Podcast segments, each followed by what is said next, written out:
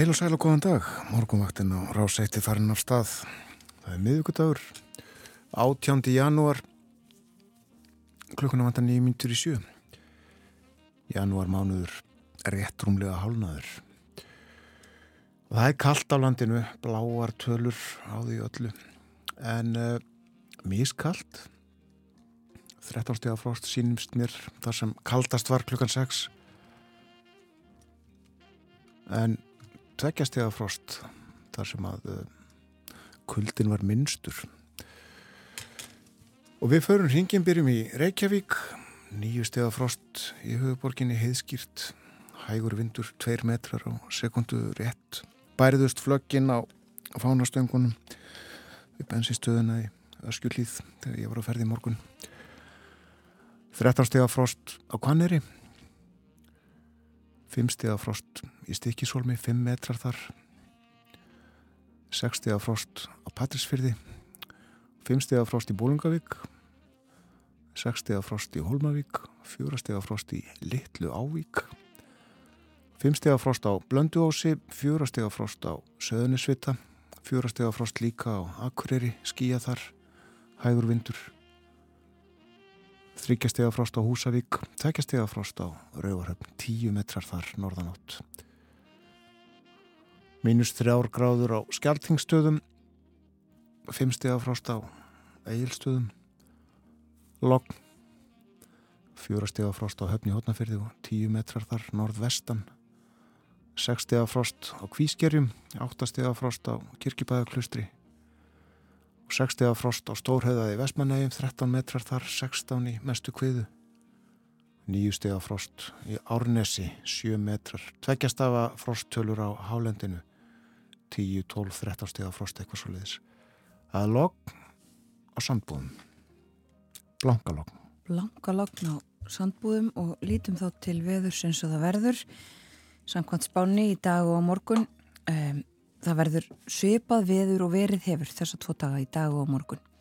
Norðvestan 8 til 13 austast á landinu, annars hægari norðlega eða breytileg átt, dálítil jél fyrir norðan og austan en bjart veður annar staðar og frostið 2 til 15 stygg kaldast inn til landsins. Það er svo vaksandi suðaustan átt og mun þykna upp um landið vestanvert annað kvöld. Úrkomi bakki úr vestri og líklega snjóar úr honum í fyrstu en á förstu dag verður svo kvöss, söðaustanátt og sumstaðar talsverðrykning og það hlínar all hratt fyrst söðvestan til á landinu. Á uh, förstu dag og lögadag er gert ráð fyrir því að það verði svona veður og rigni fram eftir degi á lögadag viða og uh, hitatölunar á landinu á förstu dag og laugadag það er uh, ná upp í 10-11 stig. 11 stig að hitta spáð á Akureyri á laugadagsmorgun til dæmis. Og veðustofan bendir á að það er mikilvægt að opna leið fyrir vatn að komast burt í neyðurfull en það getur verið snúið eftir lengri frostakabla og því vissar að geima það ekki á lengi. Sem sagt að vara móka frá neyðurfullunum og, og uh, tryggja það að það verði nú ekki tjón þegar það verða hellir regna hjá okkur. Já. Og uh, kannski aðeins að færðinni? Já, það eru hálkublettir á helstu stoppliðum á höfuborgarsvæðinu. Hálka eða hálkublettir á flestum leiðum á Suðvesturlandi en greiðfært um Reykjanesbröð og Kjalanes. Engar tilkynningar komnar frá vestfjörðum en við sjáum þó á kortinu að það er hálka víða. Hálkaði snjóþekja á flestum leiðum á Norðurlandi og jæljagangur og stökustað, þæfingsfærð í almenningum. Sumleðist þæfingsfærð eða snjóþekja víða og jæljagangur eða skafreiningur á Norðusturlandi Ófært er á fjardarheiði á Östurlandi, snjóþekja víða en þæfingur eða þungfært á nokkrum leiðum. Greiðfært að mestu fyrir sunnan breytalsvík þó. Og Suðausturlandi hálka eða hálkublettir frá víka kvískeri en greiðfært þar fyrir austan. Hálka er á flestum leiðum á Suðurlandi en greiðfært á ringvegi millir markarfljóts og víkur. Svona eru tilkynningarna sem komnar eru frá vegagerðinni. Það er leikdagur. Það er leikdagur. Fyrsti leikurinn í milliriðli á heimsmystara móti kalla í handbólta. Það er að segja fyrsti leikur Ísland sem er jú það sem skiptur okkur mestu móli. Ísland grænhöfða er klukkan 5 í dag. Já, og við viljum að spila tónlist frá grænhöfða eigum. Þetta er söngkonan Cesaria Evora og við viljum að heyra lag sem heitir Teresina.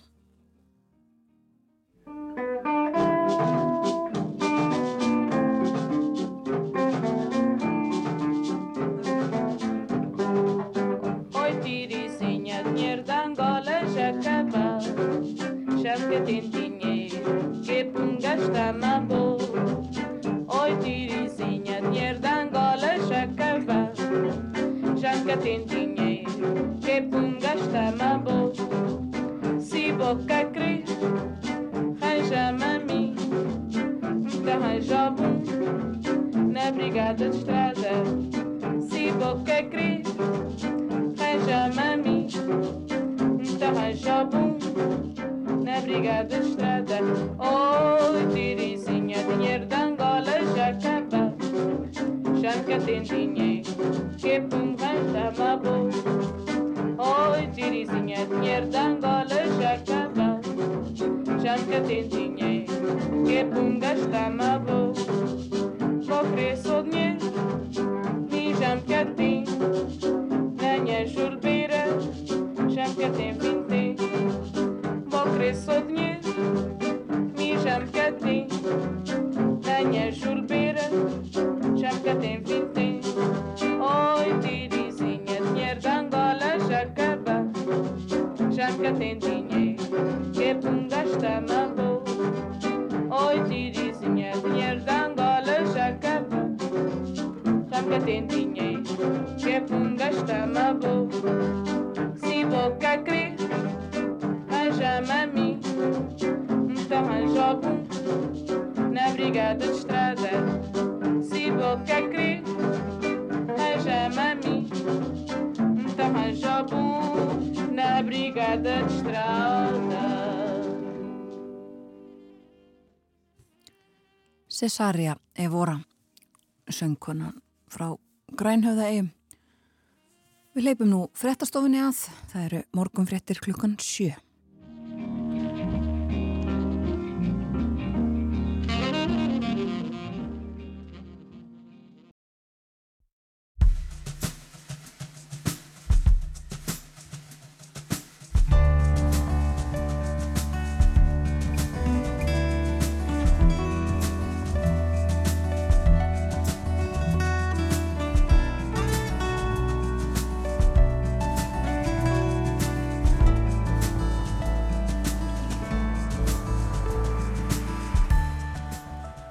Morgonvaktin býðu góðan dag.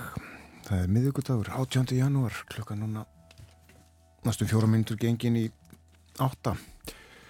Heldur svalara í daginn í gær, það verður áfram kallt, verður í dag og fyrirpartin á morgun, svo fyrir að lína og er ekki spáð upp undir tíu steg að hitta á regningu á förstæðin þórun. Jú, og þá er bóndadagurinn. Akkurat. Umsjónamenn morgunvaktarinnar í dag eru Björn Þór Sigbjörnsson og Þórun Elisabeth Bóadóttir og á dagskráni er fiskurinn í sjónum, dönsk málefni og þýskur fyrirlusnillingur. Já, við ætlum að fjallum þessar tillögur, 60 bráðabyrða tillögur sem að starfshópar á vegum matvælar á þeirra um endurskoðun á fiskveði lögjöfinni hafa lagt fram, þetta var kynnt í gær og það var að skapa sátt. Svandi Svavastóttir verður hjá okkur. Hún verður hér uh, hálf åtta við ætlum að rappa um efnið. Borgþór Artgrímsson verður líka með okkur í dag og fer yfir það sem er efst á baui í Danmörku. Við sögu koma Lís Nörgård, Mingar og fjölskyldan í Amalíuborg. Og hér í, næstu viku verður stór viðburður í klassískri tónlist. Það er von á þýska fyrirleikranum Anne Sophie Moutet til hansins.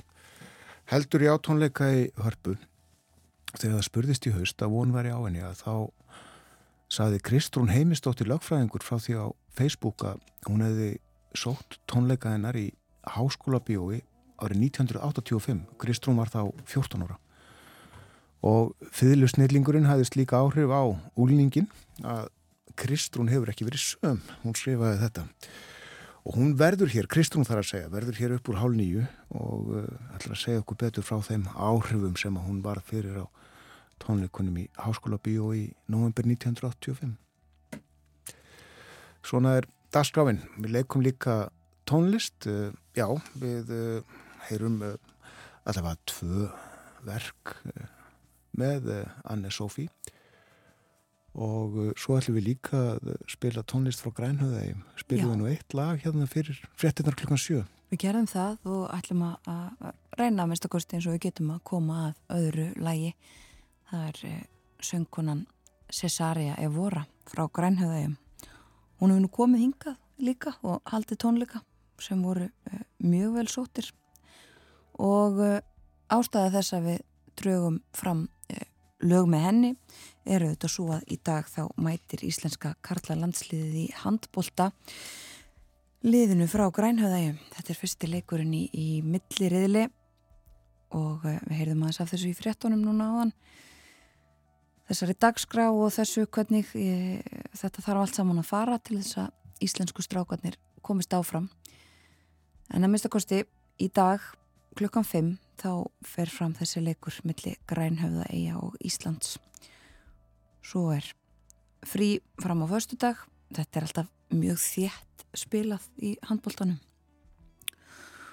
Og uh, svo næsti leikur þá, föstudagur og svo sunnudagur er það ekki. Jú, Og íslenska liði verður eiginlega að vinna alla leikina. skilst það já Já. og uh, það má geta þess að uh, það er ljómandi veður á Grænhöfðægjum núna uh, 21 stig siti, þau eru klukkutíma á eftir okkur klukka þar rétt rú- rúmlega 6 og já, 21 gráða núna fer í 28 þegar best lætur í dag Já. en uh, kannski að fara aðeins yfir stöðuna og horfur hér Já, skulum gera það. Það er eh, aðeins öðruvísi veðurspáin hér hjá okkur á Íslandi en eh, það verður svipað veður í dag og morgun og verið hefur. Bjart og kallt á sunnan og vestanverðu landinu en jél á stángli annar staðar, segir í hugleðingum viðfræðings. Og annað kvöld þá nálgast úrkomi bakki úr vestri. Líklega snjóar úr honum í fyrstu en á förstu dag verður svo kvöss suðaustanátt og sumstaðar talsverðrigning og einnig hlínar allrætt. Í dag og á morgun getur frostið náð uh, 15 stegum, sérstaklega í dag, það tekur í og hlína annað kvöld. Uh, og þá á förstu dag þegar það hefur hlínað getur hitin farið upp í og upp undir 10 steg, jafnvel rúmlega það. Og uh, talsverðrigning víða um landi sem að, á að fylgja þessu. Og uh, það verður hiti uh, með að við spákortið svona allavega fram uh, eftir fram eftir eh, helginni. Lækkar, það kólnar þar að segja eftir og lækkar hitin uh, á lögataskvöld og sunnudag. En samt sínist mér nú að það eigi að vera svona í kringum eða rétt yfir frostmark viða um land á sunnudag. Ekki þetta hörkufrost sem að verið hefur. Og svo kólnar á ný og verður uh, frost, vægt frost í, byrjun næstu viku.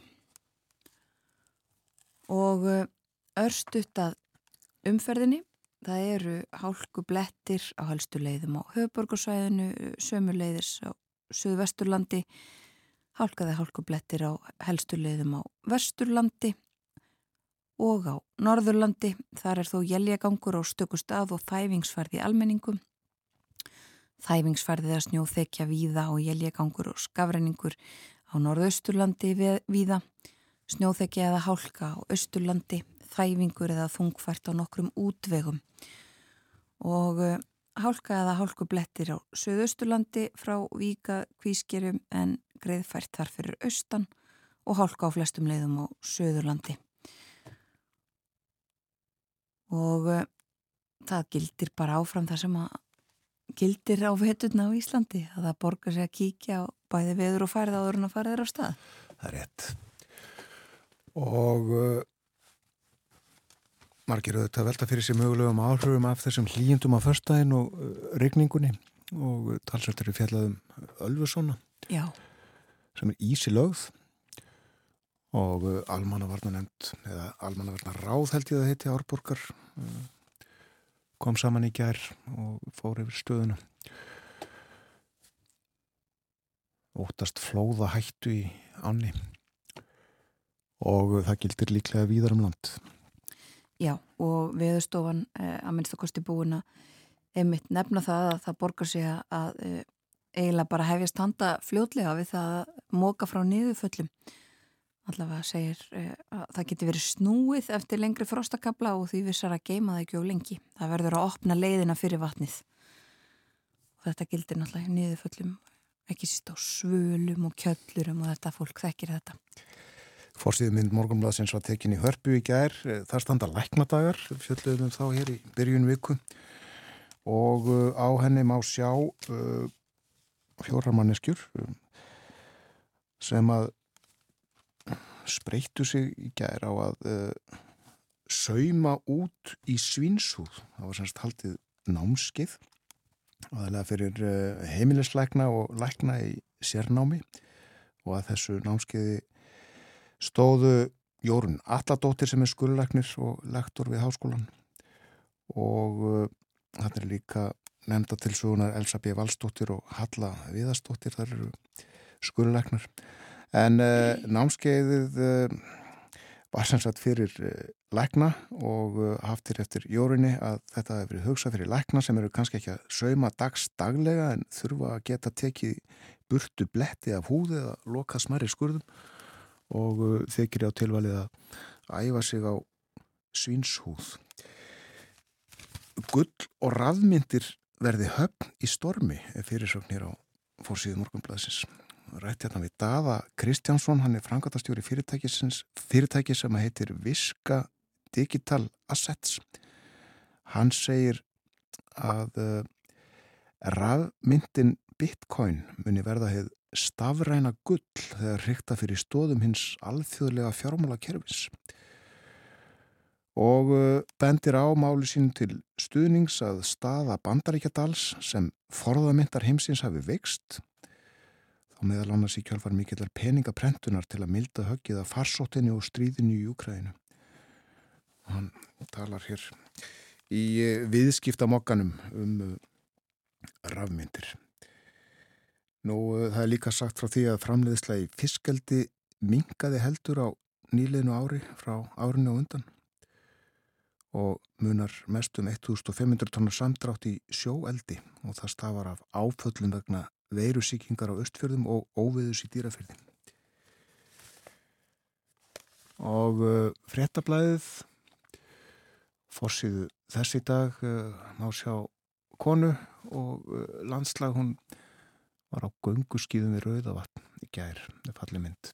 En uh, það er líka verið að fjalla um uh, þetta mál sem er fyrir domstólum, mál uh, hjúknarfræðings sem að var ákjörður fyrir að hafa svift sjúkling lífi með því að þröngva ofan í hann næringadrykk.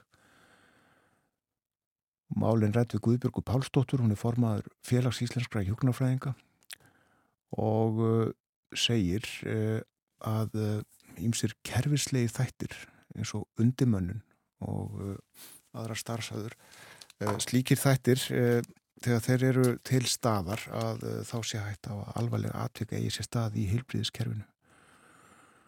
Þegar starfsumhverfið er svona erfitt er varla hægt að tryggja öryggi og góða þjónustu, segir hún. Og aðeins meira á blöðunum, hérna innan úr morgumblæðinu uh, og segja frá því að uh, á blaðsíðu tíu er uh, mynd sem að tekin var á Þórsöfn á Langanesi. Á henni má sjá krakka og uh, kennaran þeirra sem að uh, bökuðu lumur út í myrkrinu í áttastega frosti. Krakkar í öðrum bekk í grunnskólanum á Þórsöfn og hóið sem sagt skóladaginn á útinámi. Á dimmum en stiltum janúar morgni og uh, kennarinn var búin að koma fyrir sniðu eldunatæki þar sem að kveikja þurfti upp með timbri og lummu soppa var tilbúin í fötu þátt að bakaðir á lítilli pönnu. Krakkarnir höfðu gaman af. Svo erum við að þeita rjóma í þessum póka útskýrðu krakkarnir, voru með plastpóka fullana rjóma og skiptust á um að hristan og börnum voru samálega um að það var í fínt að vera ekki alltaf vinni að læra. Við erum líka að læra um hvað er hægt að gera úti í nótturni og það er gaman að vera úti í myrkrinu. Vel búin auðvitað Jú, er eitt lag ára lengra er haldið. gerum það Skulum hlusta á annar lag með eh, Cesariu Evoru og eh, önnur söngkona þarna með henni Lúra og eh, þetta lag heitir Móta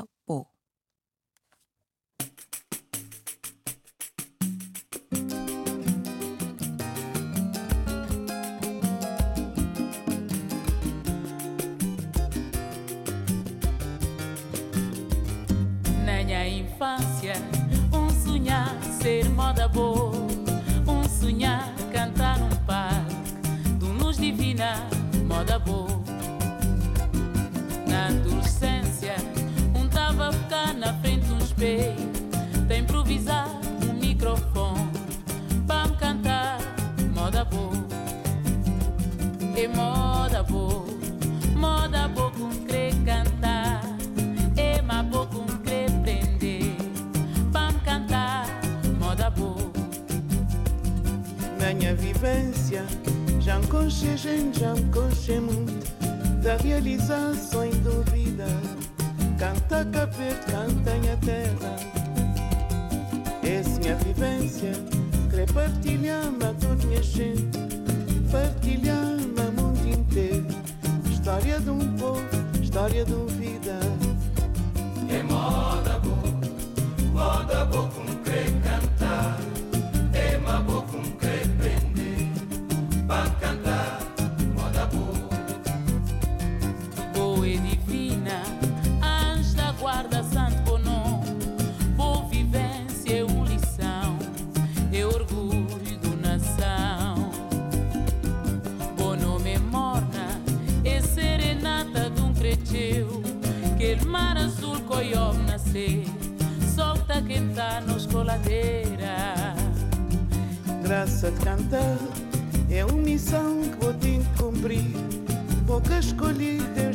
living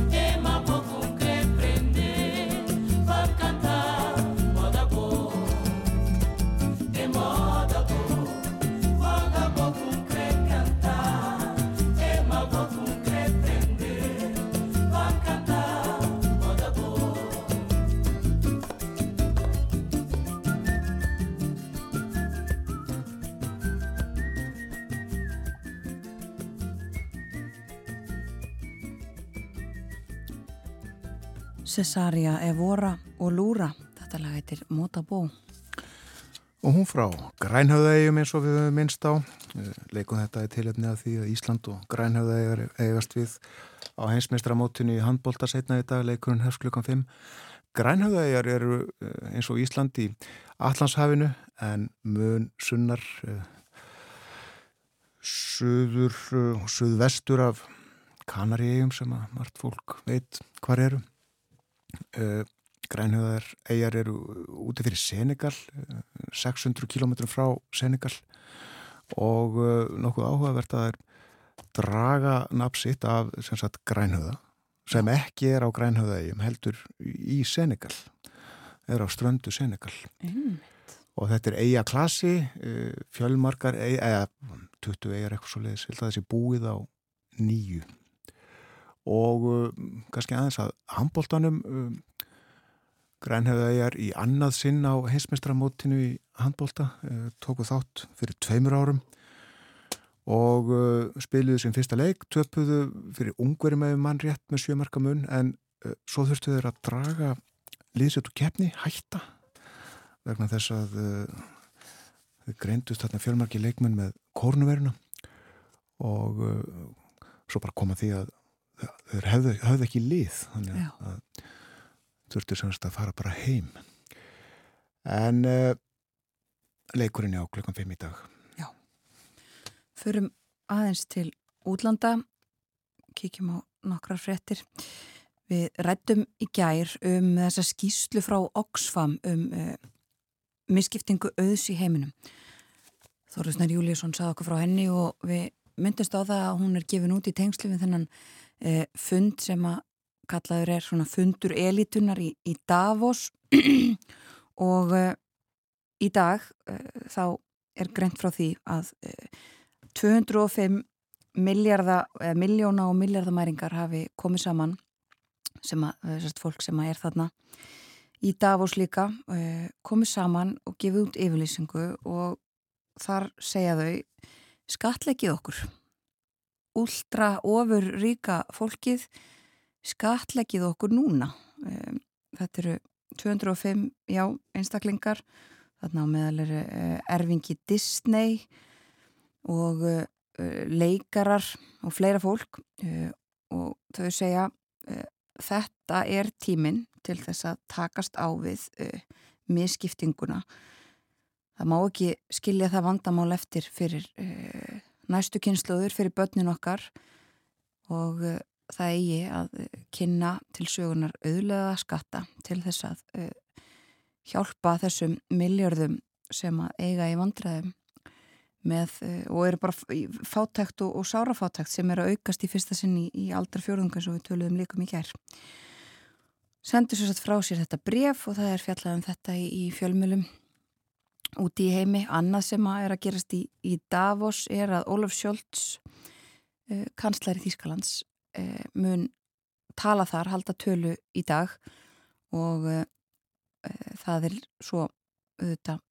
þessi úkrænumál sem að eru allt um leikjandi, við talum um líkum þau mál í gær og það að þrýstingur eikst á Þýsk stjórnvöld að auka stöðningsin við um, við Úkrænu, senda skriðdrega og, og fleira. Og og Artur Björgum Bodlason sagði okkur frá að gera, þá eru margir þessara skriðdrega sem önnu ríki eru að senda, eru, þeir eru gerðir í Þískalandi og uh, fleiri frettir, það er búið að ákjæra 39 einstaklinga uh, fyrir það að hafa reynd að uh, ræna völdum í Brasilíu í þessum atbörðum þar fyrir skömmu þar sem að fjöldi fólks reyðist inn í, í þingúsið, inn í fórsötuhöllina og hæstarétt. Og uh, svo ætla ég að nefna eina frétt hér á fórsíðu uh, politíkan í, í Danmörku. Það er fjallaðum fyrsta stóra uh, málið, fyrstu stóru prófrunina fyrir nýja ríkistjórni í Danmörku og hún snýst um þennan frídag sem að stjórnvöld tilkynntu að þau vildu afnema e, Stóri beðideg heitir hann á dönsku eh, Kongsbænadagur á íslensku e, hefur nú verið afnemin hér en einhver tíman var hann haldin hátilegur hér þetta er 5. mæ og þetta er sem sagt fyrsta stóra prófrunin segir á fórsíðu politíkan og sagt þar líka að það sé svona þjóðaratkvæða græðsla spurningin um hana sé svona einhver starf þannig í bakgrunninu. Ég veit nú ekki hvort að það stóð til að reyna að afnema þennan dag á þessu ári eða, eða næsta en þetta sem sagt er til umfyllunar í dönskum fjölmjölum í dag og í Breitlandi að lókum fjallað meðal annars um uh, verkvöldin sem að uh, það er áformaður stór dagur verkvalla 1. februar og blöðin mörg hver uh, fjallað um það verkvöld í fjölmörgum stjættum engin sátt að nást á vinnumarkaði þar í landi. Segjum þetta gott á Erlendum fréttum í byli. Já. Og hér eftir frettæðiflítið sem að kemur eftir þrjára hálfa minútu verður Svandi Svavastóttir matvalar á þara með okkur. Við ætlum að fara yfir þessar tilugur sem að kynntar voru í gærum, breytingar á fiskviðistjórnunni. Borgvor Argrímsson verður hér eftir frettnar klukkan 8, dönsk málefni og fyðlu snillingurinn Anne Sofí Múter. Við ræðum um hana melli hálf nýju og nýju.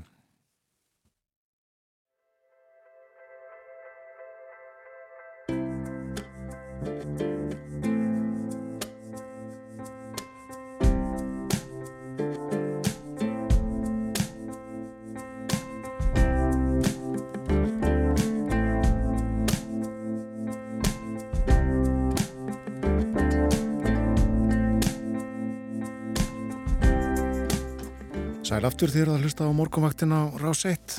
Það er miðugudagur í dag, 18. janúar, klukkan réttliðilega hálf átta. Og uh, kallt, frekar kallt úti eins og verið hefur síðustu daga og uh, verður kallt í dag. 15 steg á frást það sem kaldast verður. En uh, ekki svo kallt allstaðar. Þú maður búist við svo litli snjókomi fyrir norðan og austan, bjart annar staðar og uh, vindræðin kannski 8 til 13 metrar á sekundu austast og það er norð-vestanátt. En uh, annar staðar hægari norrlegaða breytileg átt.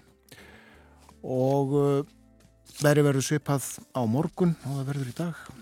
En svo hlínar skart sent á morgun og annað kvöld og verður jápil tíu stíða hitti á förstu daginn og rigning mögulega grenjandi rigning Og það er ímislegt framöndan hjá okkur í þættinum. Minni á að við fjöllum um það sem er eftir að bauði í Danmörku. Hér eftir morgun fréttnar klukkan 8 þá verður Borgþór Argrímsson með okkur. Og milli halv nýju og nýju þá fjöllum við um Anne Sofí Múter, fyrirleikara, fyrirlu snilling, Kristrún Heimistóttir lögfræðingur var á hljómleikum með henni árið 1985, þá var Kristrún 14 ára.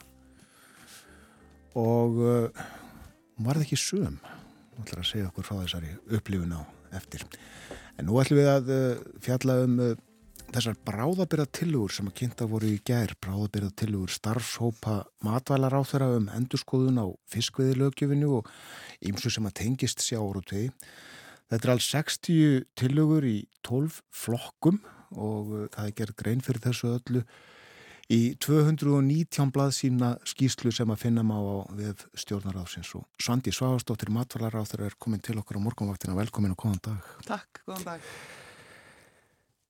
Já, það, það hérna, duð ekkert minna en 219 blaðsýður Nei, þetta er sko í þessum pakka sem að ætti nú að vera frekar aðgengilegur, sko þetta er ekki svona skýsla af gamrugjerinni með opbáslega miklum texta heldur að vera að reyna svona að sjóða niður þessar upplýsingar.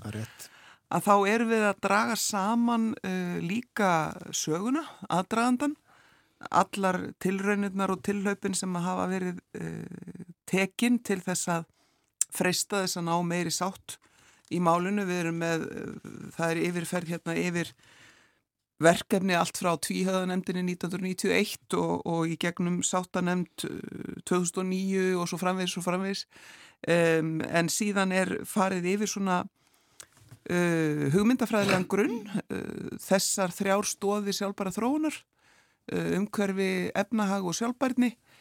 Og uh, þess freistað að setja svo tillögurnar inn í þann ramma og þá byggjum við líka á sjálfbærni markmiðum uh, saminuð þjóðana og annari stefnumótun stjórnvalda þannig að við erum að freista þess að þessi stefnumótun sé svona í samhengi við annað, bæði söguna og, og aðra stefnumótun.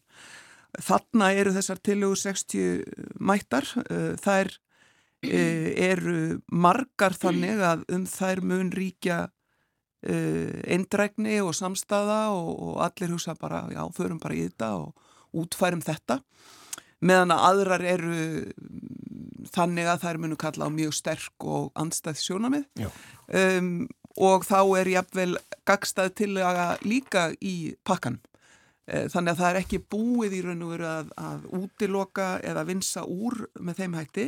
Heldur kannski fyrst og fremst að segja við byrjum á einhverju sjónamiðum e, leggjum þann grunn. Það eru þær ytri takmarkanir sem við búum við. Það er náttúrann samspilið vistkerfin síðan förum við að finna út úr efnahagnum, hvað getur við fengið út úr þessu og loks uh, hvernig dreifum við því með sem sangjörnustum hætti um samfélagið. Þannig að þetta er svona, já, við erum í hálfleik. Tölum aðeins um það sem að helst hefur verið deilt um og er svona stæsta ágrínsefnið. Það er útlutun aflaheimilda og svo gjaldtaka. Hvað er lagt til í þeim efnum? Um, í þessum tillögum er, uh, má segja kannski með einföldustum hætti að það sé annars vegar byggt á núverandi kerfi með uh, veiðigjöld. Uh, það er þó rætt í þeirri tillögu, í aðdraðanda þeirra tillögu að það megi einfalda útreikning þeirra. Þau séu um, að sumuleiti og flókin og ógarsæ. Uh, það megi hækka þau, það er rætt þarna. Það hefur verið svona getur við sagt svona mjög miðlagt í umræðinu um samfélagslega sátt að, að það þurfi einfallega að koma meira uh, til í sammeðilega sjóði. Þarna er líka farið yfir það sem að stundum er kölluð fyrningaleið uh, sem að þýðir í raun og veru að, að uh, aflaheimildir eru þá fyndar um einhverja ákveðna prósentum millir ára og síðan er fyrningar hlutanum ráðstafað með öðrum hætti með tilteknum útlutunum með uh, uppbóðum eða, eða öðrum leiðum. Þetta er í raun og veru svona kortlagning á því hvaða valkostir hafa verið undir og hvað hefur helst verið í umræðinni undan farin ár um, til þess að, að stíga að skrefi átt til uh, aukinarstáttar. Þannig að þær eru þarna báðar. Uh, það væri auðvitað að hafa þetta ennþá flóknara, við getum alveg talað um samningaleið og við getum talað um um uh, verulega einföldun á, á veiðgjaldaleðinni. Þannig að þetta er svona það sem að, það sem að þarna er gerð svona bæði ítarleg og, og söguleg grein fyrir í, í tilvögunum. Þannig að við vitum svolítið hvaða er nákvæmlega sem við stöndum fram með fyrir. En við erum auðvitað líka að tala um uh, út frá umhverfistáttunum uh, sko að auka mjög mikið áhersluna á þekkingu á vistkerfunum öllum, um, hugsa ekki bara út frá nýtjastofnun, hvernig nýtjastofnunni sveiblast, heldur miklu frekar hvað er að gerast í hafinu öllu. Og þetta er bara í samræmið við það sem við þurfum að gera bæð út á loftslægi, en líka út frá samningnum um lífræðilega fjölbreytni, við þurfum að þekka vistkerfi sjáar betur. Við þekkjum þau í raun og veru ekki eins vel og við höldum. Mm. Það er að segja allt frá botnvistkerfum og, og svo upp í gegnum fiskistofnana. Uh, hvað er það sem er að gerast? Um, ytri, uh, hvað ég að segja, skilirði eru líka mjög breytileg og ekki síst núna á tímum loslagsbreytinga þegar við getum búist við bæði breytingu á hitastígi, við getum búist breytingum á á uh, súrnun og svo framvegs. Þannig að allt hefur þetta áhrif á vistkerfin Þannig ég held ég með að segja að, að við séum öll samálum það. Allir hóparnir og ég var með uh, stóran fundi gerð með samráðsnefndinni þar sem að eru svona kannski hefðbundnari tilnefningar frá flokkonum, þingflokkonum, frá hagsmunnaðilum og svo framvegs að við erum öll sammálum það að við þurfum að bæta í með háransóknir. Við þurfum mm. að vita meira um hafið.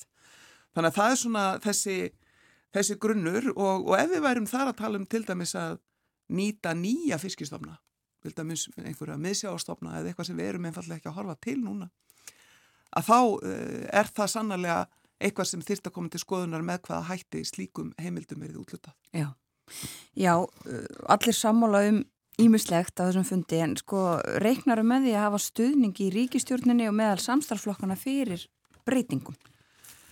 Sko ég kynnti þennan pakka í ríkistjóðin gerðmorgun og, og ég gerir mér auðvitað alveg grein fyrir því að, að þegar á öllur á botning kvöld þá þurfa allar breytingar að fara í gegnum alþingi. Og uh, ég er hins vegar, uh, mér fylgja bara góðar óskir úr ríkistjórn um, vegna þess að þarna er um að ræða sko ekki bara mjög breyða vinnu sem á að snerta á öllum þessum þáttum heldur líka vinnu sem að uh, lítur að því að við erum uh, sko líka að abla mikill að gaggana. Við erum með fólk í uh, stórum og ítalegum útrekningum. Uh, við vorum að gera samning við félagsýstastofnun um mjög svona stóra og djúpa könnun á viðþorfi Íslendinga til fiskveðistjórnakerfisins. Þannig að við erum að svona virkilega að gera okkar besta í því að, að svona sjá til bots í þessu verkefni. E, þetta er einleiðin og sumum þykir alveg nógum 214 síður og 60 tilugur og allt þetta, en það er miklu meira sem er í pípunum, af því að við erum virkilega að leggja okkar að mörgum til þess að reyna að ná þessari breytt og já uh, mér fylgja en þá góðar óskir í því að þetta uh, gangi, ég gerir mér hins vegar grein fyrir því að það eru miklu hausmunir uh, það eru, eru stóra álitamál til margra áratuga þannig að ég verð bara að horfa svolítið til þess eins og ég gerði þegar ég var í heilbriðisraðanitinu að, að eh, ákvarðanir byggja á bestu mögulegu þekkingu, uh, vísindum, rannsóknum og, og síðan þurfum við auðvitað að ná líka pólitískri samtstöðu en ennþá er ég bjart sín. En þessa tillögursvandist það byggja á störfum já fjölmennra nefnda nokkura. Hvernig rýmaðar við þínar skoðanir og hugmyndir um skipan mála? Og þá eru við að tala um útlutunina mm -hmm. og gjaldtökuna. Um, sko, í fyrsta lagi þá, sko, þetta er nú kunstinn við það að þegar að maður er í raun og veru í tvöfældu hlutverki, annars er að vera pólitísku leiðplógi í tilteknum málaflokki sem er á þeirra og hins vegar að vera ennbættsmaður sem að nálgast verkefnið uh, með þeim hætti. Ég fæ ákveðið verkefni í stjórnarsáttmálanum sem er að setja nefnd á lakinnar, sem er að reyna ná meiri sátt og ég tek það verkefni mjög alvarlega. Ef að ég myndi hlaupa á undan þessum starfsópum með skildi, með mínum skoðunum í þessum efnum, þá væri þetta náttúrulega bara uh, sjálf dæmt úr leik þetta verkefni. Þannig að ég held í mér, uh, ég ætla ekki að taka afstöðu til einstakara þátt að, ég held að sé samt engin hissa þegar að ég segi að, að uh, umhverfismálinn eru grundvöldur allra ákvarðana í þessum málaflokki og hljóta að verða það inn í þessari 2001. öld þá erum við að átt okkur betur og betur á því að umhverfismálinn eru ekki bara málaflokkur sem við tökum til við að skoða svona þegar við erum búin að gera annað eða að tala um alvöru mál heldur eru þau málinn sem að allt annað byggir á. Það eru raun og verið ótrúlegt að hugsa til þess að það er ekki nema tíu ár síðan að ég sjálfsögð þá sem umhverfisáð þeirra mælti fyrir fyrstu loftslagslöggefinni í e, Þingsal 2012 og það var ekki mikil áhugi á því eða mikil umræða um þann málaflokk í Þingsal. En núna er það orðið þannig að, að við gerum okkur öll grein fyrir því og umræðan til að mynda, svo ég leiði mér nú aðeins að fara uh, út fyrir þetta verkefni, umræðan í heiminum uh, varðandi uh, hagstærðir og, og, og vöxt og, og svo framvegs er að færast alltaf meira og meira í þá áttuna að við erum öll tak, sko að þessar umræður eru alltaf takmarkaðar af auðlindum í erðar við förum ekkert út úr því, við förum ekkert á nýjan stað ef við umgöngumst öðlindir með ágengum hætti. Þannig að við verðum alltaf að byrja á, á umhverfinu, við verðum að byggja það á vistkerfisnálkun, á varúðarreglu, á raunverulegum og viðtekum rannsóknum. Þannig að það hefur verið mín brennandi afstafa og er núna uh, grunnurinn uh, í þessari vinnu og, og uh, ég varð ekki verfið neyn andmæli við því eh, á samráðsfundi kær. Sko þú hefur líka talað um þetta að, að eh, það ríki djúbstað tilfinning, svo ég bara vitni í þig, meðal almenningsum óréttlæti í sjáurútvegi og að svo tilfinning stafi aðalega af tvennu, eh, samþjöpun veiði heimilda og þeirri tilfinningu að ágóðanum af sameileru auðlind sé ekki skipta á réttlatan hátt. Mm. Og það talað um að skapa einmitt samfélagslega sátt um þetta allt saman. Um, en svo er það spurningin, sko, hvað fælst í því að því þú ert líka búin að fara yfir það að það hefa verið gerðar alls konar tilraunir um, þurfa allir að vera sáttir eða flestir eða hvernig, hvernig á að mæla þetta og meta hvort að sáttin náist? Já, sko, ég hugsaði mjög mikið um þetta uh, vegna þess að uh, hefðbundir nálgun er kannski svo að bara meiri hlutin ráði og, og svo fari hinn bara óhressir einhvert annað, sko. Uh, það er, það er svona nálgunin uh, í uh, líðræðið samfélagi þá mættum við innleiða í meiri mæli um, samstöðunálgun sem að snýst um það að gefa ferlinu tíma að leif okkur að fara í sauman á málunum og, og að ferlið sem slíkt sé í raun og veru til þess fallið að skapa sátt. Ekki bara hvernig við byrjum það og hvernig við endum það, ekki bara að loka af þrjá lögfræðinga og segja skrifiði frumvarp og svo bara sjáum við hvað er sterkur meirluti bak við það. Það hefur margóttur reynd. Eh, heldur segjum við bara, heyrðu við ætlum að halda margafundi út um land, við ætlum að hafa opna samráðskátt, við ætlum að hafa stóra hópa og við ætlum að virkilega hvetja til þess að öll sjónamið komið að borðinu, að þar með uh, sköpum við þá stemningu að við erum ekki öll múruð onni í skotgrafirna sem við höfum verið í áratugum saman, heldur förum upp úr þeim, uh, treystum því að við sem um, deilum þessu samfélagi og þessu verkefni höfum ákveðnar skildur við náttúrun og umhverfið en líka við framtíðina að við reynum að losa okkur út úr þessu ósætti. Ég veit alveg að þetta er stórt, en þetta, ég er að reyna að nálgast þetta öðruvísi, en að því þú varst að tala sko, um beinlýnist þessar, uh, svona þessar tilraun mína til að sjóða niður um hvað snýst þessi ákveðningur. Mm -hmm. Það er þessi djúbstæða tilfinning fyrir því að, að, að það sé ekki réttlátlega skipt. Uh, það er það að, að það sé uh, völdum auði áhrifum sé þjappað saman á að forra hendur og svo framvegis að uh, þess vegna höfum við til að mynda uh, farið í það að gera samning við samkjöfniseftilitið um að uh, fara yfir stjórnunur og eignatengsl í sjávarútvegi fyrst og fremst til að auka gagsægi til þess að bæta stjórnsýslu á sviði eftirlits með stjórnunar og eignatengslum í þessum geira. Við höfum reynslað því bara undarfarin ára og áratögi að eftir því sem gagsægið er meira, eftir því sem uh, ferlið er opnara, eftir því sem við segjum meira, heyrðu, fundargerðir eru opnar almenningi, við ætlum að segja frá, þið veitir, allt frá jólagjöfum ráðherra yfir í það að fara yfir uh, flóknar fundargerðir eða texta eða skýslur og svo fara við þess.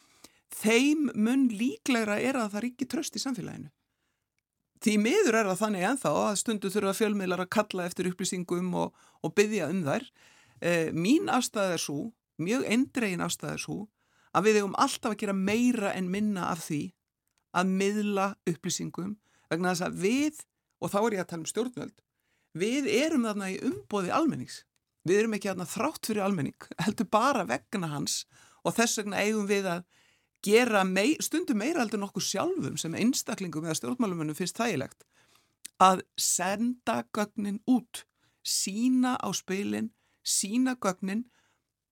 Ég meina, nú er ég með 60 tillegur hérna, ég er ekkert sammálaðið með öllum, ég er ekki búin að taka afstöðu til þeirra. Og ég er svona uh, í reiptói við ykkur og, og alls konar fólk sem að segja, heyrðu, segðu okkur bara hvað þið finnst um þetta. Mm, Hvaða tillögum uh, stendur þú með? Eðlilega algjörlega, en ég verð að standa með ferlinu og, og, og treysta því og ég hef mikla trú á þessari nálgun og ég vil meina að aðferðin sé líka uh, þáttur í því að auka tröst í samfélaginu. En sko, einmitt, uh, ferlið og það þarf að treysta því og það er auðvitað alls konar fólk sem kemur að þessu ferli, einmitt, þetta eru, þetta eru stórar nefndir, stórar hópar um, og þú ert líka búin að tala um sko meira hlutin ræður, það er svona oft þannig en þarf þá þessi hópur eða þessir hópar þurfa þeir að komast líka algjörlega að uh, sameinleiri niðurstöðu áður en að þessu verður endanlega skilað til þín? Eða mun meira hlutin ráða innan þessara 60 einstaklinga sem að skipa þessu hóp? Nei, sko það er nú ekki hugsað þannig og, og núna er það þannig að, að sumir af þessu starfshópum hafa nánast lokið sínum verkefnum Uh, sérstaklega kannski þeir sem að hafa verið að fjalla um umhverfsmálinn mm -hmm. um, tilugurnar sem að lúta að mentun í sjávarútvegi uh, og mentun í málefnum hafsins, allt frá framhaldsskólastíði og í gegnum háskólastíði sem er mikil áherslu á. Uh, þeir hafa í raun og veru svo gott sem lokið sínum störfum og, og þannig að smám saman að þá fara þessi sérfræðingahópar út úr vinnunni og, og við augum svona, hvað ég að segja, þessa uh, vinnu sem að lítur að því að hagsmunnaðilar eru við borðið, pólitíkin eru við borðið og svo framvegs. En fasin sem við erum í núna er að við erum komið bráðbyrðatilögur, það er í januar. Við gerum ráð fyrir tímanum fram í mæ til þess að fara yfir þessa bráðbyrðatilögur, uh, byrta þær á samráðskátt stjórnvalda, halda um þær opna fundi á netinu uh, þar sem að uh, sérfræðingahópanir munu líka koma að eða formen þeirra. Uh, halda þétta fundi í samráðsnefndinni þar sem að við förum í saumana á einstakum köplum uh, í tillögunum uh, halda fund í uh, atvinnuga nefnd alþingis og svo framvegis hafa þetta á samráðskátt og, og alltaf er hægt að fara inn á öðlindin okkar.is og koma sínu sjónamöðum að og, og þegar að við erum svo komin inn í mæ að þá ættu við að sjá fyrir endan á því að við værum komin með uh, tillögur sem við viljum gera að uh, frumvörpum. Uh, þannig að þessi tími er í raun og veru mjög svona afdreifaríkur ef við getum sagt sem svo. Við þurfum að, að nýta hann mjög vel. Uh, í hérna tillögu heftinu eða hinnum 216 síðum mm. uh, að það er líka farið yfir viðmælendur og þá sérfræðinga sem að sérfræðinga nefndirnar hafa, hafa leita til og það eru sérfræðingar af ímsu tægi, það eru lífræðingar, það eru hagfræðingar, það eru fólk sem er, er hagsmunaaðilar í kerfinu af ímsu tægi. Sá listi er ekki búinn, það mun verða rými fyrir öll þau sem að hafa áhuga á því að koma sínum uh, sjónamiðum að. Þú hefði nefnt hagsmunaaðalina nokkur sinnum, uh, það er tilfinning margra, ég, bara slengi þessu svona fram, það er tilfinning mm -hmm. margra að þeir hafi ráðið allt og allt og miklu þessi mál gegnum árun ára tvína. Mm -hmm. Þetta er samála því? Já, ég held að þetta sé sko dæmi um þessar svona djúburætur hinnar, hinnar hefðbundnu atvinnugreina í íslenskum stjórnmálum. Uh, ákvarðanir hafi verið teknar í uh, svona þéttu samráði við atvinnugreina á hverjum tíma en við megum ekki gleyma því að hver staða sjávarútes var hér á, á áttunda og nýjunda áratögnum þegar við vorum í raun og verið að fá svartar skýslur frá Havró uh, sem að bent okkur á það að við yrðum að byggja uh, veiðiheimildir á upplýsingum og á þekkingu. Og, og þannig að þau skref sem voru stíin þar í grunninn voru til þess fallin að við gætum uh, aukið áherslu á sjálfbara veiðar. Það skiptir mjög miklu máli. En hins vegar ég menna það, það þarf ekki stjórnmála mann, uh, hvað þá heldur stjórnmála fræðing til þess að varpa ljósa það að það eru mjög náinn tengsl millir pólitískra afla og hagsmunæðila um, í þessu efni eins og raunar í uh, atvinnu lífinu almennt á Íslandi og ég held að við séum ekkert sérstök í þeim efnum, ég held að þetta sé almennt þannig. Nei, en við hefum goða sjómenn og skipstjóra og útgjörðamenn. Heldur betur og við eigum alveg svakalega mikla þekkingu og mikinn metnað uh, hjá í íslensku sjárótvegi rosalega stór skref sem hafa verið stíðin í ný, nýsköpun í fullvinnslu afurða, við erum að sjá ótrúlega, ótrúlegustu hluti sem er að verða til bara úr einhverju sem var hent og, og, og hérna fyrir örfáum árum síðar, síðan, róð og, og fleiri afurðir. Eh, þannig að það er mikil metnaður, það er mikil nýsköpun, það er mikil áhugi á orkuskiptum, það er mikil áhugi á framþróun í greininni, eh, bæði hjá útgerðum, stórum og smáum, eh, við þetta borð samráðsnefndarinn að sitja líka fulltrúar sjómanna, vélstjóra, skipstjórnamanna og það eru þetta fólki sem er það núti, sem veit nákvæmlega um hvað máli snýst. Þar höfum við verið að horfa til þess til dæmis hversu mikilvægt það er að auka öryggismenningu sem að hefur aukist mjög mikið undanfarin ár, uh, bæði líkamlegt og andlegt öryggi. Uh, við höfum líka verið að tala um jafnbrettismál til sjós, þetta er mjög kynjuð grein Eh, þannig að við erum að reyna að snerta á sem flestum málum mm. en fyrst og fremst er sjávarútvegur á Íslandi í mjög miklum sóknarfærum uh, og heldur áfram að vera eina af þessum mikilvægustu stóðum undir uh, efnahag og velferð á Íslandi. Ljúkuð og hér, þakkaði kjærlega fyrir að koma til okkar, byrja daginn hér á morgunvaktinni svandi svo gangiði vel í, í þessu mikilvæga verkefni að reyna að skapa samfélagslega sátt um fiskveðistjórnuna. Takk.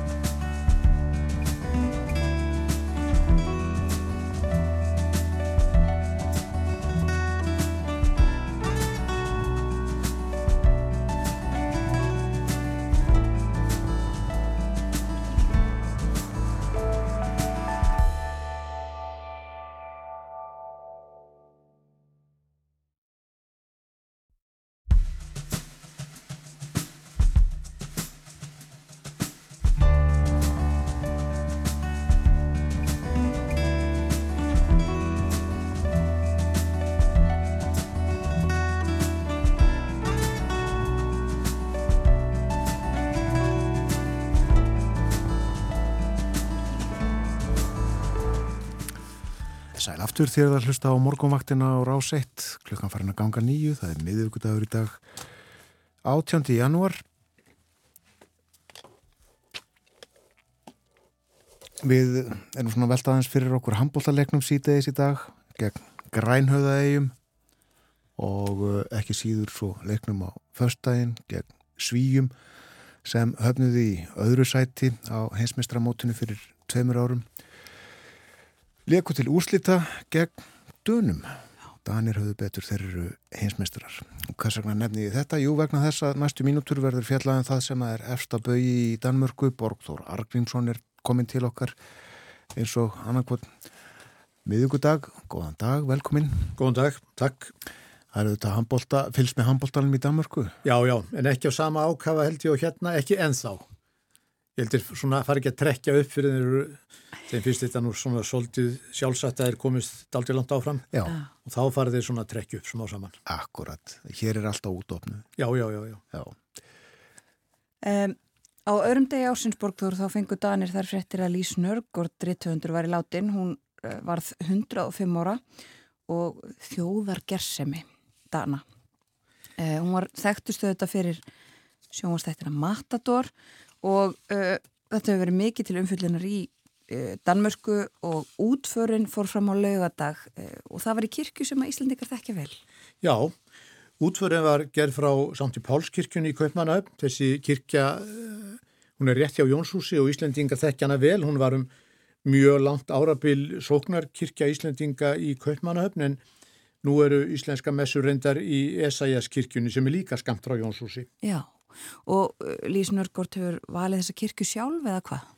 Já, hún var búin að skipulegja útfarar aðtöfnina í minnstu smáatriðum. Já, Hverjir ætti að bera kistuna og mér sé hvað röðir ætti að vera við kistuna og svo framvegis um, rittningagreinar og annars líkt hún var búin að skipulegja þetta allt saman og einn, einn af uh, líkmönnunum var leigubílstjóri sem var jafnframt engabílstjóri Lísinörgurt árun saman og, og svona prívatvinur.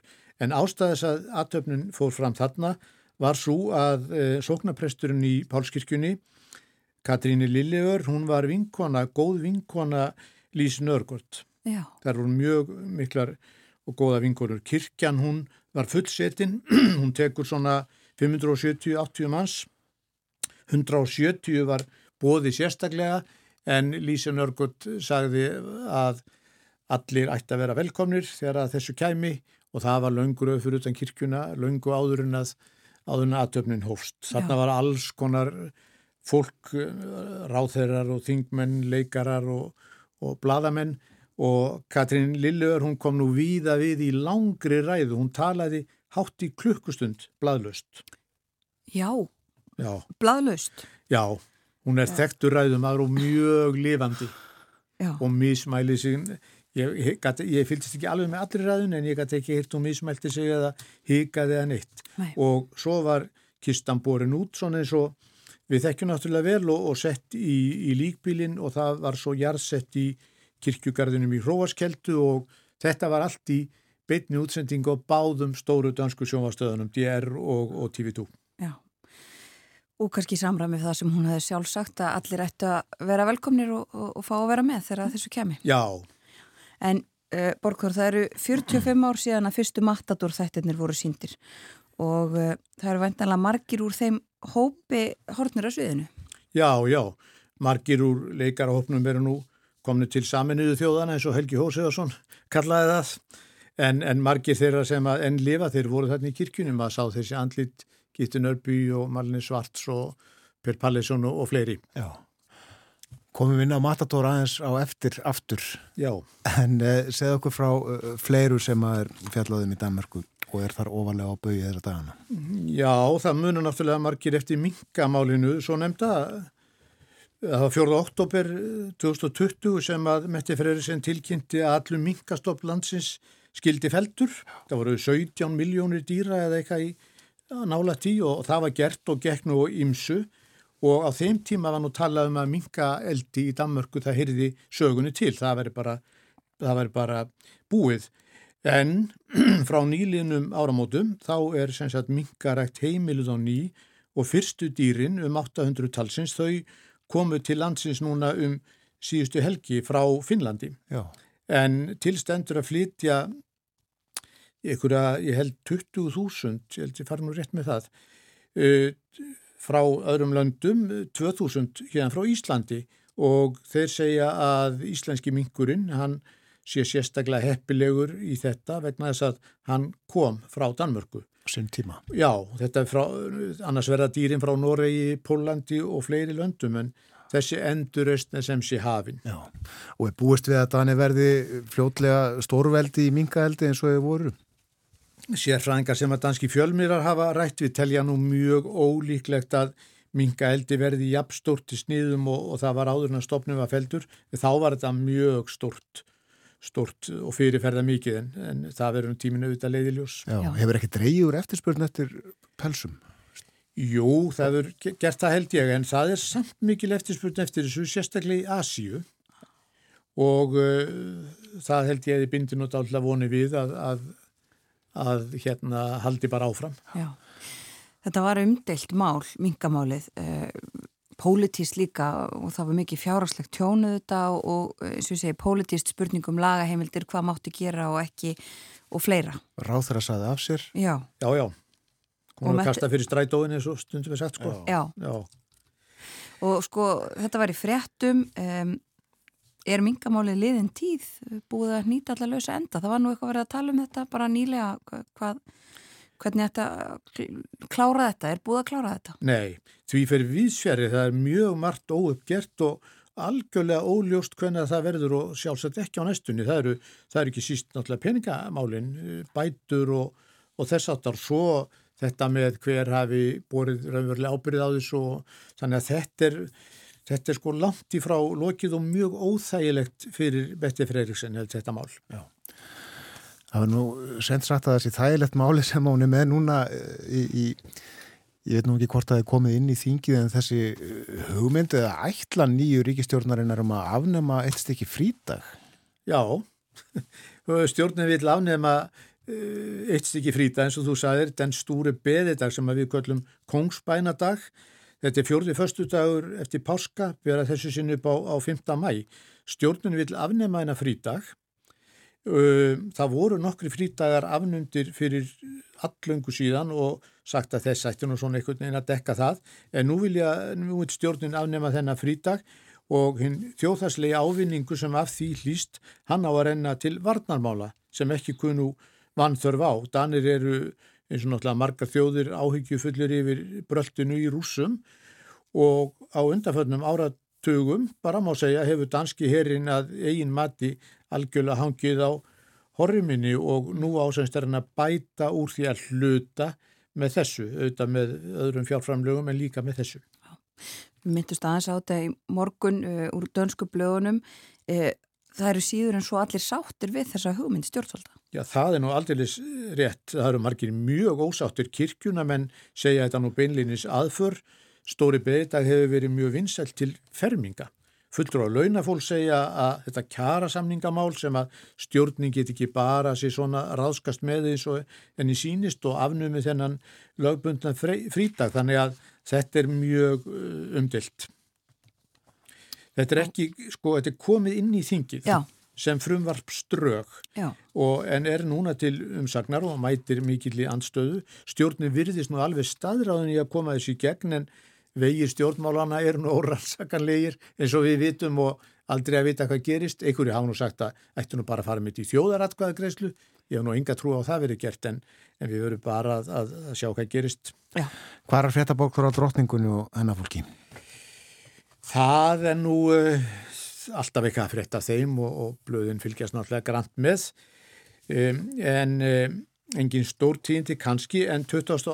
júni næstkomandi þá verður frum, frumsyndur í konunglega leikúsinu nýr söngleikur um Margreti Þórildi í tilefni þess að í janúari fyrra voru 50 ár síðan hún var þjóðhauðingi dana nána tiltekið 14. janúar í fyrra og uh, í þessum uh, söngleik verður æfi drottningar rakin svona í tali og tónum og þetta er náttúrulega vekur svona ákveðin áhuga hjá dönum auðvitað. Já. Þetta verður sínt á, á konunglega Já. og verður auðvitað gaman að vita hvernig til text. Samin uh, lög, veistu það, og textar við já, þetta? Já. Allt frum samin nýtt? Já, ég veit ekki betur en, en það er svo sem ekki búið að ljóstra miklu upp. Það getur vel verið að verði aðna gömul lög í bland, ég skal nú ekki segja um það en, en að megnu til er sagt minnst kosti að þetta eigi að vera ný, ný tónlist og, og er þetta gert, veistu, í, í samráði við þann og með samþykki? Það held ég hljóti nú að vera það hefur ekkert verið nefnt en ég get ekki ímynda að vera annað Nei. og hefur þú trú á því að fólk uh, flikkist í leikúsi að sjá söngleikinum drotninguna? Já, ég hef fulla trú á því Já. allt sem tengist drotningunni Einmitt Þú saður okkur frá því fyrir nokkru síðan Borgþóra Jóakim Prins, yngri sonur drotningarinnar, hann uh, myndi missa vinnuna í sendiráðun í París. Mm -hmm. um, hefur fresta því hvað hann ætlar að gera í kjörfarið? Já, hann, hann uh, þegar hann var sagt frá þessu þá vildi hann ekki um það segja en, en nú er það komið í ljós að hann þarf nú ekki að skrá sig atvinnulausan því að hann er búin að fá starf í Washington. Það tengist varnamálum kannski eitthvað svipað og þetta sem hann hefur verið að fást við í, í París og það fór mjög gott orð á honum þar og um, ég, það verður ekkert verið sent sagt frá því svona nákvæmlega hvað það er sem hann á að gera en uh, danskir miðlar segja að þetta starf sé svona og þessi staða sem hann fær sé þrepi ofar enn í, enn í París þannig að það lítur allt held ég vel út hjá honum bara. Já, og eru þau byrjuð að pakka? Gerist þetta fljóðlega? Nei, ég veit, veit náttúrulega hvort þau eru byrjuð að pakka en, en Jóakim hann byrjar í nýja starfinu núna undir hösti þannig að þau hafa nú alveg rúman tíma í þetta pökkunastand allt. Eginkonan Maríe, hún starfaði líka við sendiráði í París en hvort að hún hefur fengið vinnu í Washington eh, veit ég ekki, ég hef ekki séð neitt um það en það getur þó meira en verið. Já.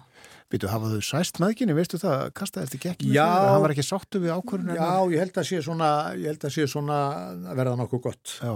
Já, hann saði það í viðtalrindar, Jókim, að, að þetta væri nú alltaf verða gott í fjölskyldunni. Já, já, en hann var sem sagt óanaði með að móður hans hefði svift börnin hans eða ekki einhvern til. Jú, jú, hann var hundfull, hundfull yfir því. Já. já. En uh, við töluðum uh, hér í, í upphafi spjallsokkar um uh, Lísi Norgård sem skrifaði Matador meðal annars, skrifaði náttúrulega heilmikið langra efi og ég nefndi það að við kemum inn á Matador þættina á ný og það er tengslu við lægi sem á valdi til þess að spila núna. Já, þetta lag það er úr Matador en það var ekki sami sérstaklega fyrir Matador en, en er úr Matador og heitir Die Trei Musikanter. Það er Kurt Rán sem að kallaður Röða í þáttónum og er mikill kommunisti og, og hérna úttalaði sem mikið um það. Hann syngur þetta í brúköpsveislu hans og Agnesar. Þetta er mjög eftirminnilegt atriði held ég í hugum margra. Þetta er bæði mjög vel leikið og sungið. Atriðið og, og þar með lagi var einhvers tekið upp einu sinni. Þetta er upptakan sem þetta er mjög óvinnlegt allavega í dag að menn noti leikna söngatriðið í þættinu þegar er farið að, að setja hann saman. En það má nú geta þess að Kurt Rán, hann er eh, þektur og vinsætt leikari og söngvari í Danmörku, enn í fullu fjöri og hann hefur sungið þetta lag trey músikantar þúsund sinni með kannski miklu oftar. Lagið er frá 1939 en Óskar Hansen, það var Arnold Ringstedt sem að samti lagið en Óskar Hansen, hann samti ljóðið nokkrum árum fyrr. Þetta er svona baráttu ljóð og danið þekkja þetta vel og mikið sungið stemning og eftirminnilegt atriði. Já, mjög, það finnst mér allavega, Já. mjög eftirminnilegt. Og þarna sýnir líka munin á veistluhöldunum hjá alþýðunni. Þarna var stuð, dansað og drukkin bjór en ekki verið að liðbjóra ykkur í kaffibóllum eins og hjá bankastjóranum og fjölskyldunum, fínu fjölskyldunum. Þakka að kellaði fyrir í dag Borgþór Argrímsson. Hlustum.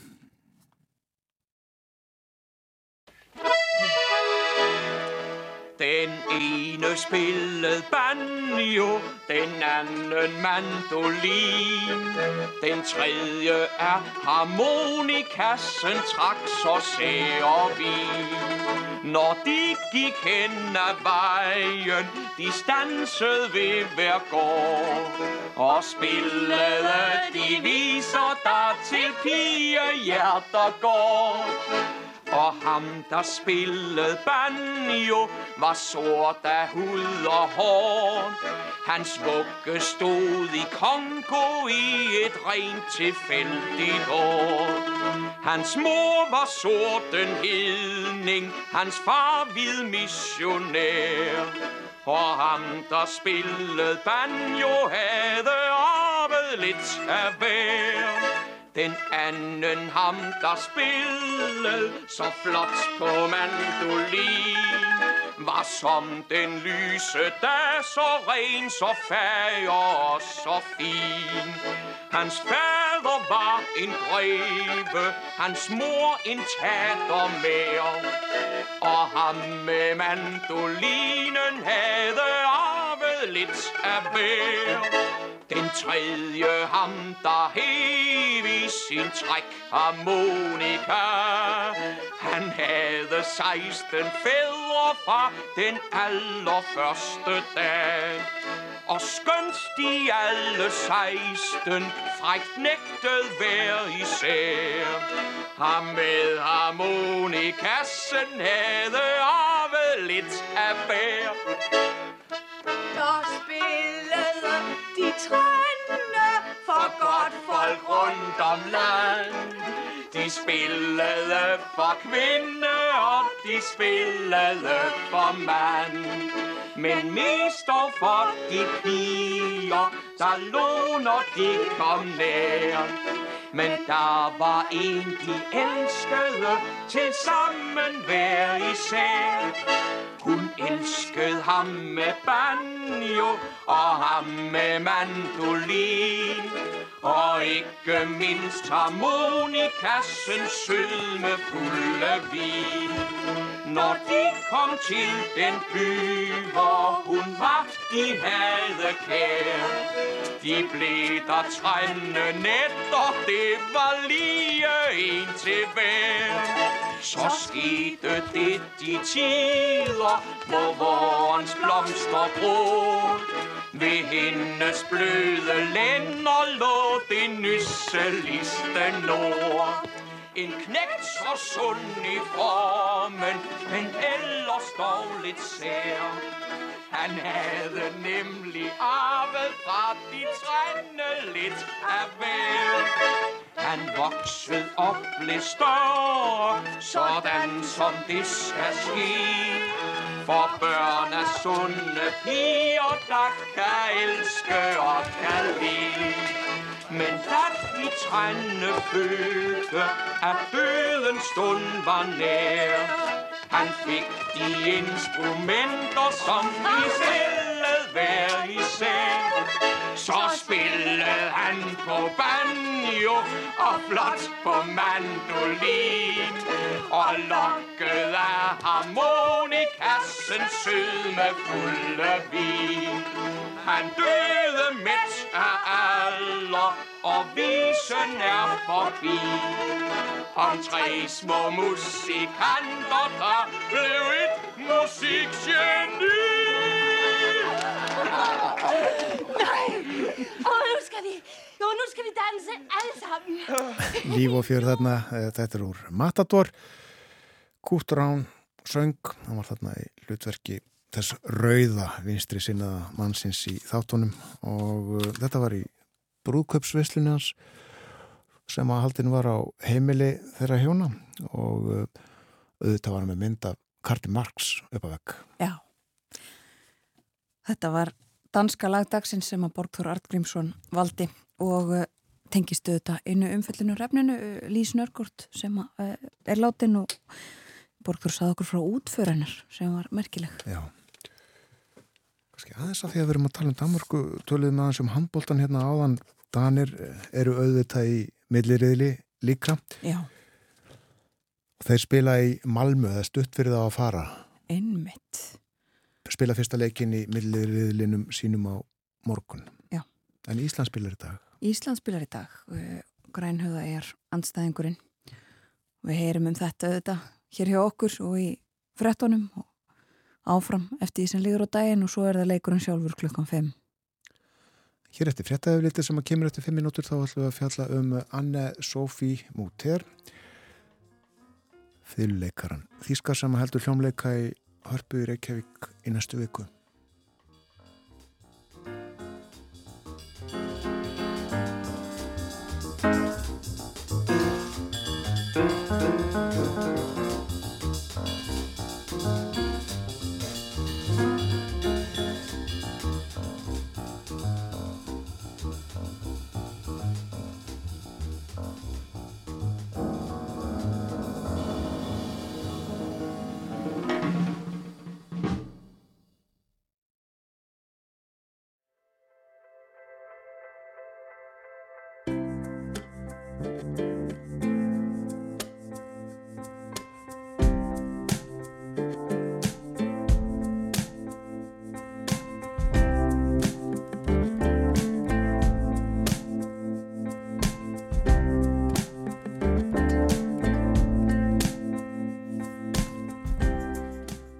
Aftur þegar það hlusta á morgunvaktina á rás 1 klukka núna rétt liðlega hálf nýjum, það er miðugudagur í dag 18. janúar.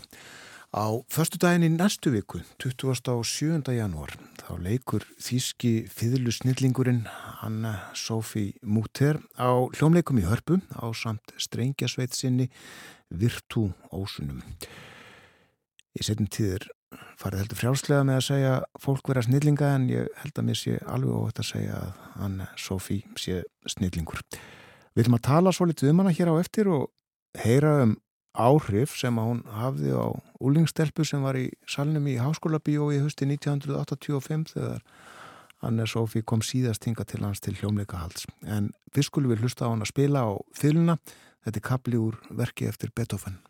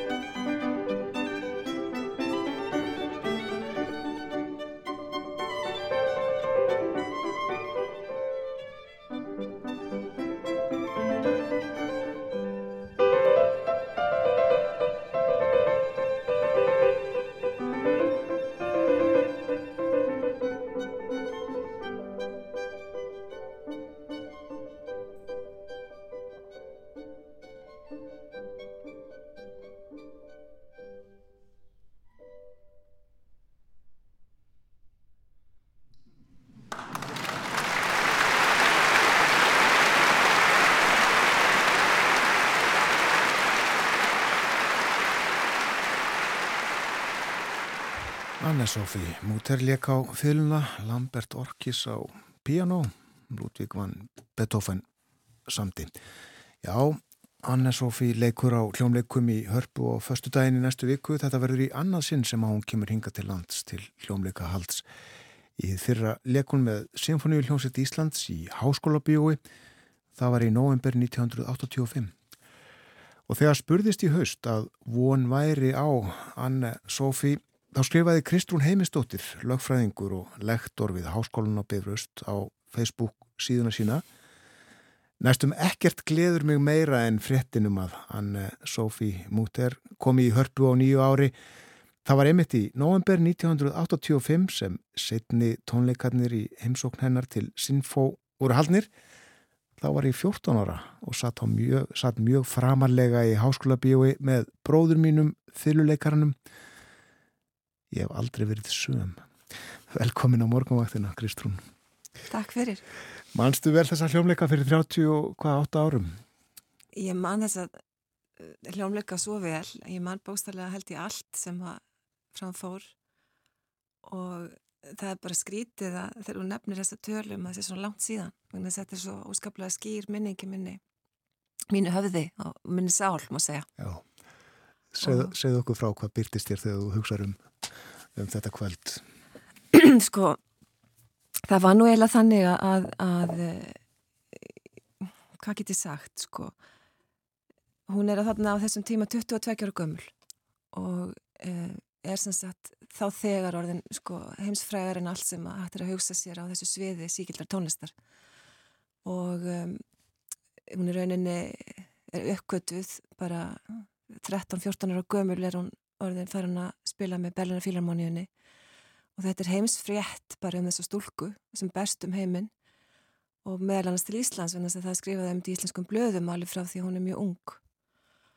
En þessi tónleikar voru rauninni þannig að fyrir mig sem, sem, sem úrling að, að ég sem sagt satt hann út í sál og ég hafði svo sem farið sótt sinfonitónleika við sískinni skiptist á að fara með ömm okkar á sinfonitónleika en Þannig að ég hef áttalega að vera sko, afskaplega vön því að fara á svona konsert og ég bjóst ekki vinninu sérstöku, sérstaklega til eða frá. En þegar að ég satt þarna þá bara, þá lág, sko ég bara svona einhvern veginn stein lág. Ég hef notað það orða því ég var bara, minn, mitt aðla áhuga mála á þessum tíma var fótbólti. Já. Ég var leikmaður, hérna, sóktjálfur framherri með káar. en þarna var ég bara að hlusta á einhverja stúlku, 22 ára gamla, spila á fylgu, frábær verk eins og hérna koncertin eftir Brahms. Og þetta hafði svo mikil áhrif á mig að ég þegar ég stóð upp í lókin þá bara vissi ég eiginlega bara í korki þannig heimni annan. Og ég man eftir því að hafa lappa niður tröppunar í háskóla bíu þar sem að fyrir að borða sko, hérna kaupir pop eða kefti pop hérna kannar þetta og þar sem ég stíg niður hérna þá bara þá streyma tárin þannig að ég bara hágrét. Og ég hágrét allarleðina heim og, og var bara eitthvað og ég, ég skildi ekkert hvað var að gerast. Ég skildi raun og verið eitthvað ekki uppnið niður bara nema bara það var eitthvað svona eitthvað rosaleg upplöfun sem ég hafði komur að segja, orðið fyrir eða hérna. Og fram að þessum tíma var náttúrulega það sem ég gerði 15. kvöldum var að hérna hafi gert viku fyrr var sko að taka upp vinsildalista Rásar 2 á hérna kassetutæki mitt. Einmitt. En ég gerði það aldrei meir. Það sem ég gerði eftir þessa tónleika, hvað var tónlist og, og gerði mjög mikið af, var það að hlusta á alla plötur sem hún hefði hérna gefið út og ekki nómið það að hlusta á allt sem hún hefði gefið út, heldur helst alla aðra fyrirleikara og bera saman við það hvað hún var að gera og þetta, bara, þetta var svona svo Ég, í raun og veru þegar ég hugsa tilbaka og gert það sem fjöldarinn manneskja þá finnst mér að þessi, þessi tónlistar upplifun, þessi list upplifun sem ég var fyrir 14 ára sé bara eitthvað mest að þroskastökk sem ég hef tekið um æfina og þetta hafði sko ofsalega mikil, mikil á, sko þetta fyrir svo mikil áhrif þetta, sem, þetta bæði svona á svona tilfinningar þetta er einni sko tónlistin opnar á okkur, á okkur tilfinninga skilning eða upplifun og hvað það er og býr til eitthvað miklu sko margslúnari svona palettu af slíku heldur en það sem maður er vanur að hugsa um þegar maður er 14 ára. Já. og það er eitt af því sem að fylgdi þessu, eitthvað svona svona diffkun tilfinningana og, og hæfileiki til að aðgreina svona hvað er stert og hvað er ekki stert og ekki síður einhvern veginn bara raukhugsun sem er kannski skrítið að heyra mann segja en sko hún hún spilaði partitu eftir Bach í lókin og það var rosalegt. Og hérna einhvern veginn bara og, og, og það er náttúrulega, ég tók upp á kassetuna mína heima upptökuna úr sem Ríkisúttarpið hérna gerði á tónleikonum og ég hlusta á þá spólu algjörlega bara þá hann gætilega var ekkit eftir af henni og ég var alltaf að hlusta á þetta sko Bach er svo sko Ég, ég, hef, ég er þeirra skoðuna sjálf og það er kannski líka skrítið að heyra manneski segja það. Ég held að ég hafi farið að læra heimsbyggi og ég hef ekki farið að læra heimsbyggi ef ég hef ekki verið á þessum tónleikum. Og það hefur að gera með líka uh, að hlusta bak og skilja hann og diffka þar og niða og svo framvegis. Það hérna það hefur mjög mikil, mikil áhrif á hugsunmanns og skýrir hana og skerpir. Það, það er mín skoðstu mín skoðan. Já, það er greinlegt á þessari eh, lýsingu að, að þú lögst engu þegar þú sagðir í Facebook-fæslunni ég hef aldrei verið söm. Þetta hafði greinlega gríðarlega áhrif á mig. Þetta hafði alveg gríðarlega áhrif á mig.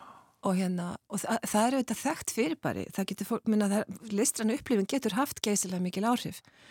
Og minna, ég hef svo sem setna á æfinni hef ég farið og séð myndlist, stórkostlega myndlist í glæsilegum hérna söl, veist, sem hefur haft mjög mjög djúpa áhrif á mig og, og tónlist hefur mjög mikil áhrif á mig og, og bara menning yfir leitt getur haft rosalega djúpa áhrif á mann. En það er ekkert sem að sko, þetta var svo óbáslega mikil breyting fyrir 14 ára stelpu. Og þetta var svo óvænt. Ég, ég sá bara ekki með neinu móti fyrir að ég geti upplegað eitthvað þessu tægi og hérna og og síðan hef ég fylst með henni. Og hún náttúrulega, það er það sem er til dæmis eitt af því sem er einstakt við hana. Fyrsta lagi náttúrulega held ég að það sé algjörlega óumdeilt. Þessi dæ, dæmarlösa snilligáa sem hún býr yfir. Í öðru lagi þá er það svo, ó, svo óvennilegt að undrabann sko haldi svona glæsilegum karriér algjörlega á toppi í gegnum eins og hún er búin að gera núna 40 ár hún er að verða 60 núna á, í sumar. En allan þennan tíma hefur hún haldið sér sem, sagt, sem í algjörum toppi og það eru öll helstu hérna, mörg helstu tónskáld okkar tíma hafa samið fyrir hann tónlist. Hún hefur hérna, gert stórkoslega hluti fyrir unga tónlistamenn og það er það sem hún er að koma með þessi múttar virtu ósi þetta er bara ungt fólk frá öllum heimshornum sem eru aðburða strengjuleikarar og hún hérna hjálpar þeim, ítir þeim og liftir þeim upp og ég get alveg lofað fólki það þess, því að þessi koncert verður alveg ótrúlega flottur. Þú hefur séðan að nokkur sinnum síðan? Ég hef síðan, ég hef reynda þess ofta ég hef getað, ég hef búin að ég hef sennilega fjóru sinnum uh, ég, ég hef séðan fjóru sinnum í London tviðsasinnum í New York uh, einu sinni á Spáni og svo ég nokkru sérum átt miða en ekki komist, til dæmis átt ég miða hérna á fyrstu útitónleika sem hún hefur haldið vegna þess að samstagsmaðurinn að núna síðustu misserum hefur verið John Williams þekktur fyrir tónlistina í Star Wars. Og hann er líka náttúrulega, hann, hann notar þetta stórkostlega stórkostlega stólpa vestrætna menningar sem er Sinfoniljónsutin af því að Sinfoniljónsutin er náttúrulega eitt af bestu framlægi uh, vest, vestræðan menningar til heimsmenningarinnar og fylglaði mjög ríkur þáttur í öllu því sem varðar sinfoníska tónlist. Og John Williams sagt, hérna, hefur í kraftirun að veru áhrifa Ann-Sofí Múttir hefur það gerst núna að, að hann er búin að koma bæði fram í Vínarfílarmóniunni og Berlinafílarmóniunni og er, hann hefur selgt alveg gríðarlega mikið og, og samvennu verkefni þeirra hefur selst gríðarlega mikið í, hérna, sem plata og, og, og hvað þetta heitir núna njúttum að tekni og John Williams er búin að lýsa því yfir að hann hafi ætlað að hætta en nú er hann búin að ákveða að starfa til hérna, hann til að vera 100 ára. En þess að hann hefur aldrei haft þetta skemmtilegt eins og hann hefur haft núna þegar hann er búin að fá Anne-Sophie Mutter sér við hlið Þannig að hefur ekki, hún hefur ekki bara haft áhrif á, á úlingstúrpa af seltetinnessi sko á sínum tíma Nei, sem áhörðandi út í sal heldur líka á, á sér eldri tónskáld. Já, bara, sko, í raun og veru, ég veit ekki held að, hérna, verk sem eru samin fyrir hann er áralega komin upp undir 40, eða jafnvel meira. Og þetta eru helstu tónskald okkar tíma sem eru að, að semja fyrir hana. Og hérna, og hún er svona mjús, músa, sko, eins og, hérna, gríkjarnir töluðum.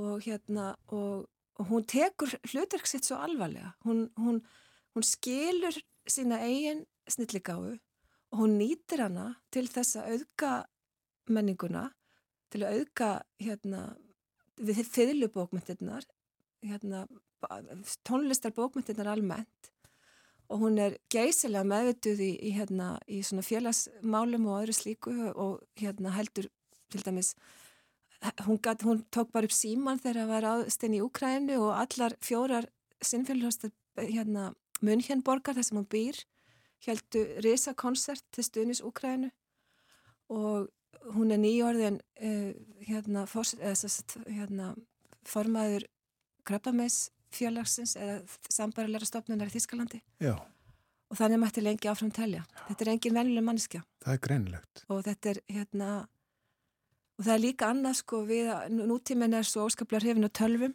og okkur finnst tölvur miklu gáðari og merkilegri heldur en menn og þið mannlega. Og það er mjög mikilvægt og áhugavert að mæta manneskjöns og henni og hugsa um alla þessa þróun. Hvernig við erum að leggja frá okkur sagt, listsköpunina að og, og allt það, þetta sem skiptir svo miklu máli fyrir mannin að skilgrana sjálfa sig í heiminum og erum að gera alltaf einhverju sem hættir að kaupa og selja og sem helst er tölvu gert. Kristrún, við hlustum hér á uh, verk áðan og ætlum að heyra annað eftir smá stund en það er alveg sama hversu uh, verkin eru góð og hversu mikil og góð hljómgæðin eru í tækjunum Mm. sem þú ert með. Mm. Það kennst ekkit í hálfkvisti vantarlega við það að vera á hljómleikum með. Nei. Og ég get sagt þér eitt. Nú hef ég sagt, sennilega verið á hvað, tól, tónleikum með hennum æfin eitthvað sliðis. Og það sem vekur alltaf rosalega aðtikli mína og slær mig alltaf jafn stert er þögnin. Vegna þess að þögnin, aðtikli fólks í salnum er alltaf algjör. Og hei, ég heyri, hef aldrei á æfinni heyrt aðra eins þögn eins og þegar það er þögn á tónleikum með Ansófi Múttir. Og það sem er líka annað sem maður upplifir er það að það andar allur salurinn með henni. Hún er mjög físikal þegar hún stendur upp á sviði. Það verður svona mjög físikal. Það er eins og hún, sko, hún hverfur alveg inn í tónlistina og hún reyfir sig mjög mikið í svona, hvað maður segja, svona, svona bylgjurreyfingu með bylgjónu sem koma frá, frá tónlistinni. Og þetta er mjög stert og sér, sérstakt. Ég held að við segjum ekkert meira, við skulum bara hlusta. Þakka þér fyrir sem leiðis. Þakka ekki að já fyrir að koma þinga Kristrún Heimistóttir. Góða skemmtun í hörpu eftir rúma viku. Eh, Áður en við sittum lægið að stað þá skulum við hafa pínlilla þá.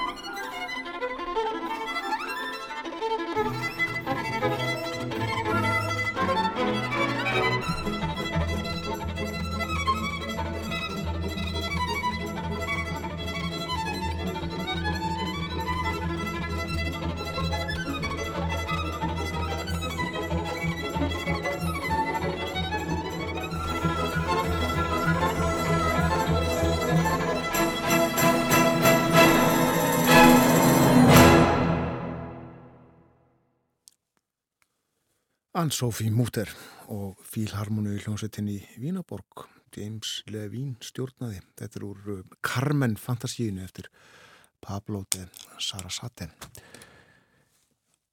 Kristún Heimistóttir var hér hjá okkur áðan. Hún uh, rifiðað upp þegar hún var á hljómleikum með Ann-Sophie í Háskóla Bíói í november 1985 Það er gríðarlega áhrif á hana. Uh, hún hætti eiginlega að hlusta á poptónlist eftir þetta og einbætti sér að klassískri tónlist og hefur fylgst með henni alla gutu síðan í þessi tæpu 40 ár sem að liðin eru frá hljómleikonum þarna í Háskóla Bíói á sínum tíma. Kristrún er að búa til þátt sem að verður hjá okkur uh, í dagskráni á lögadaginn klukkan uh, hálf þrjú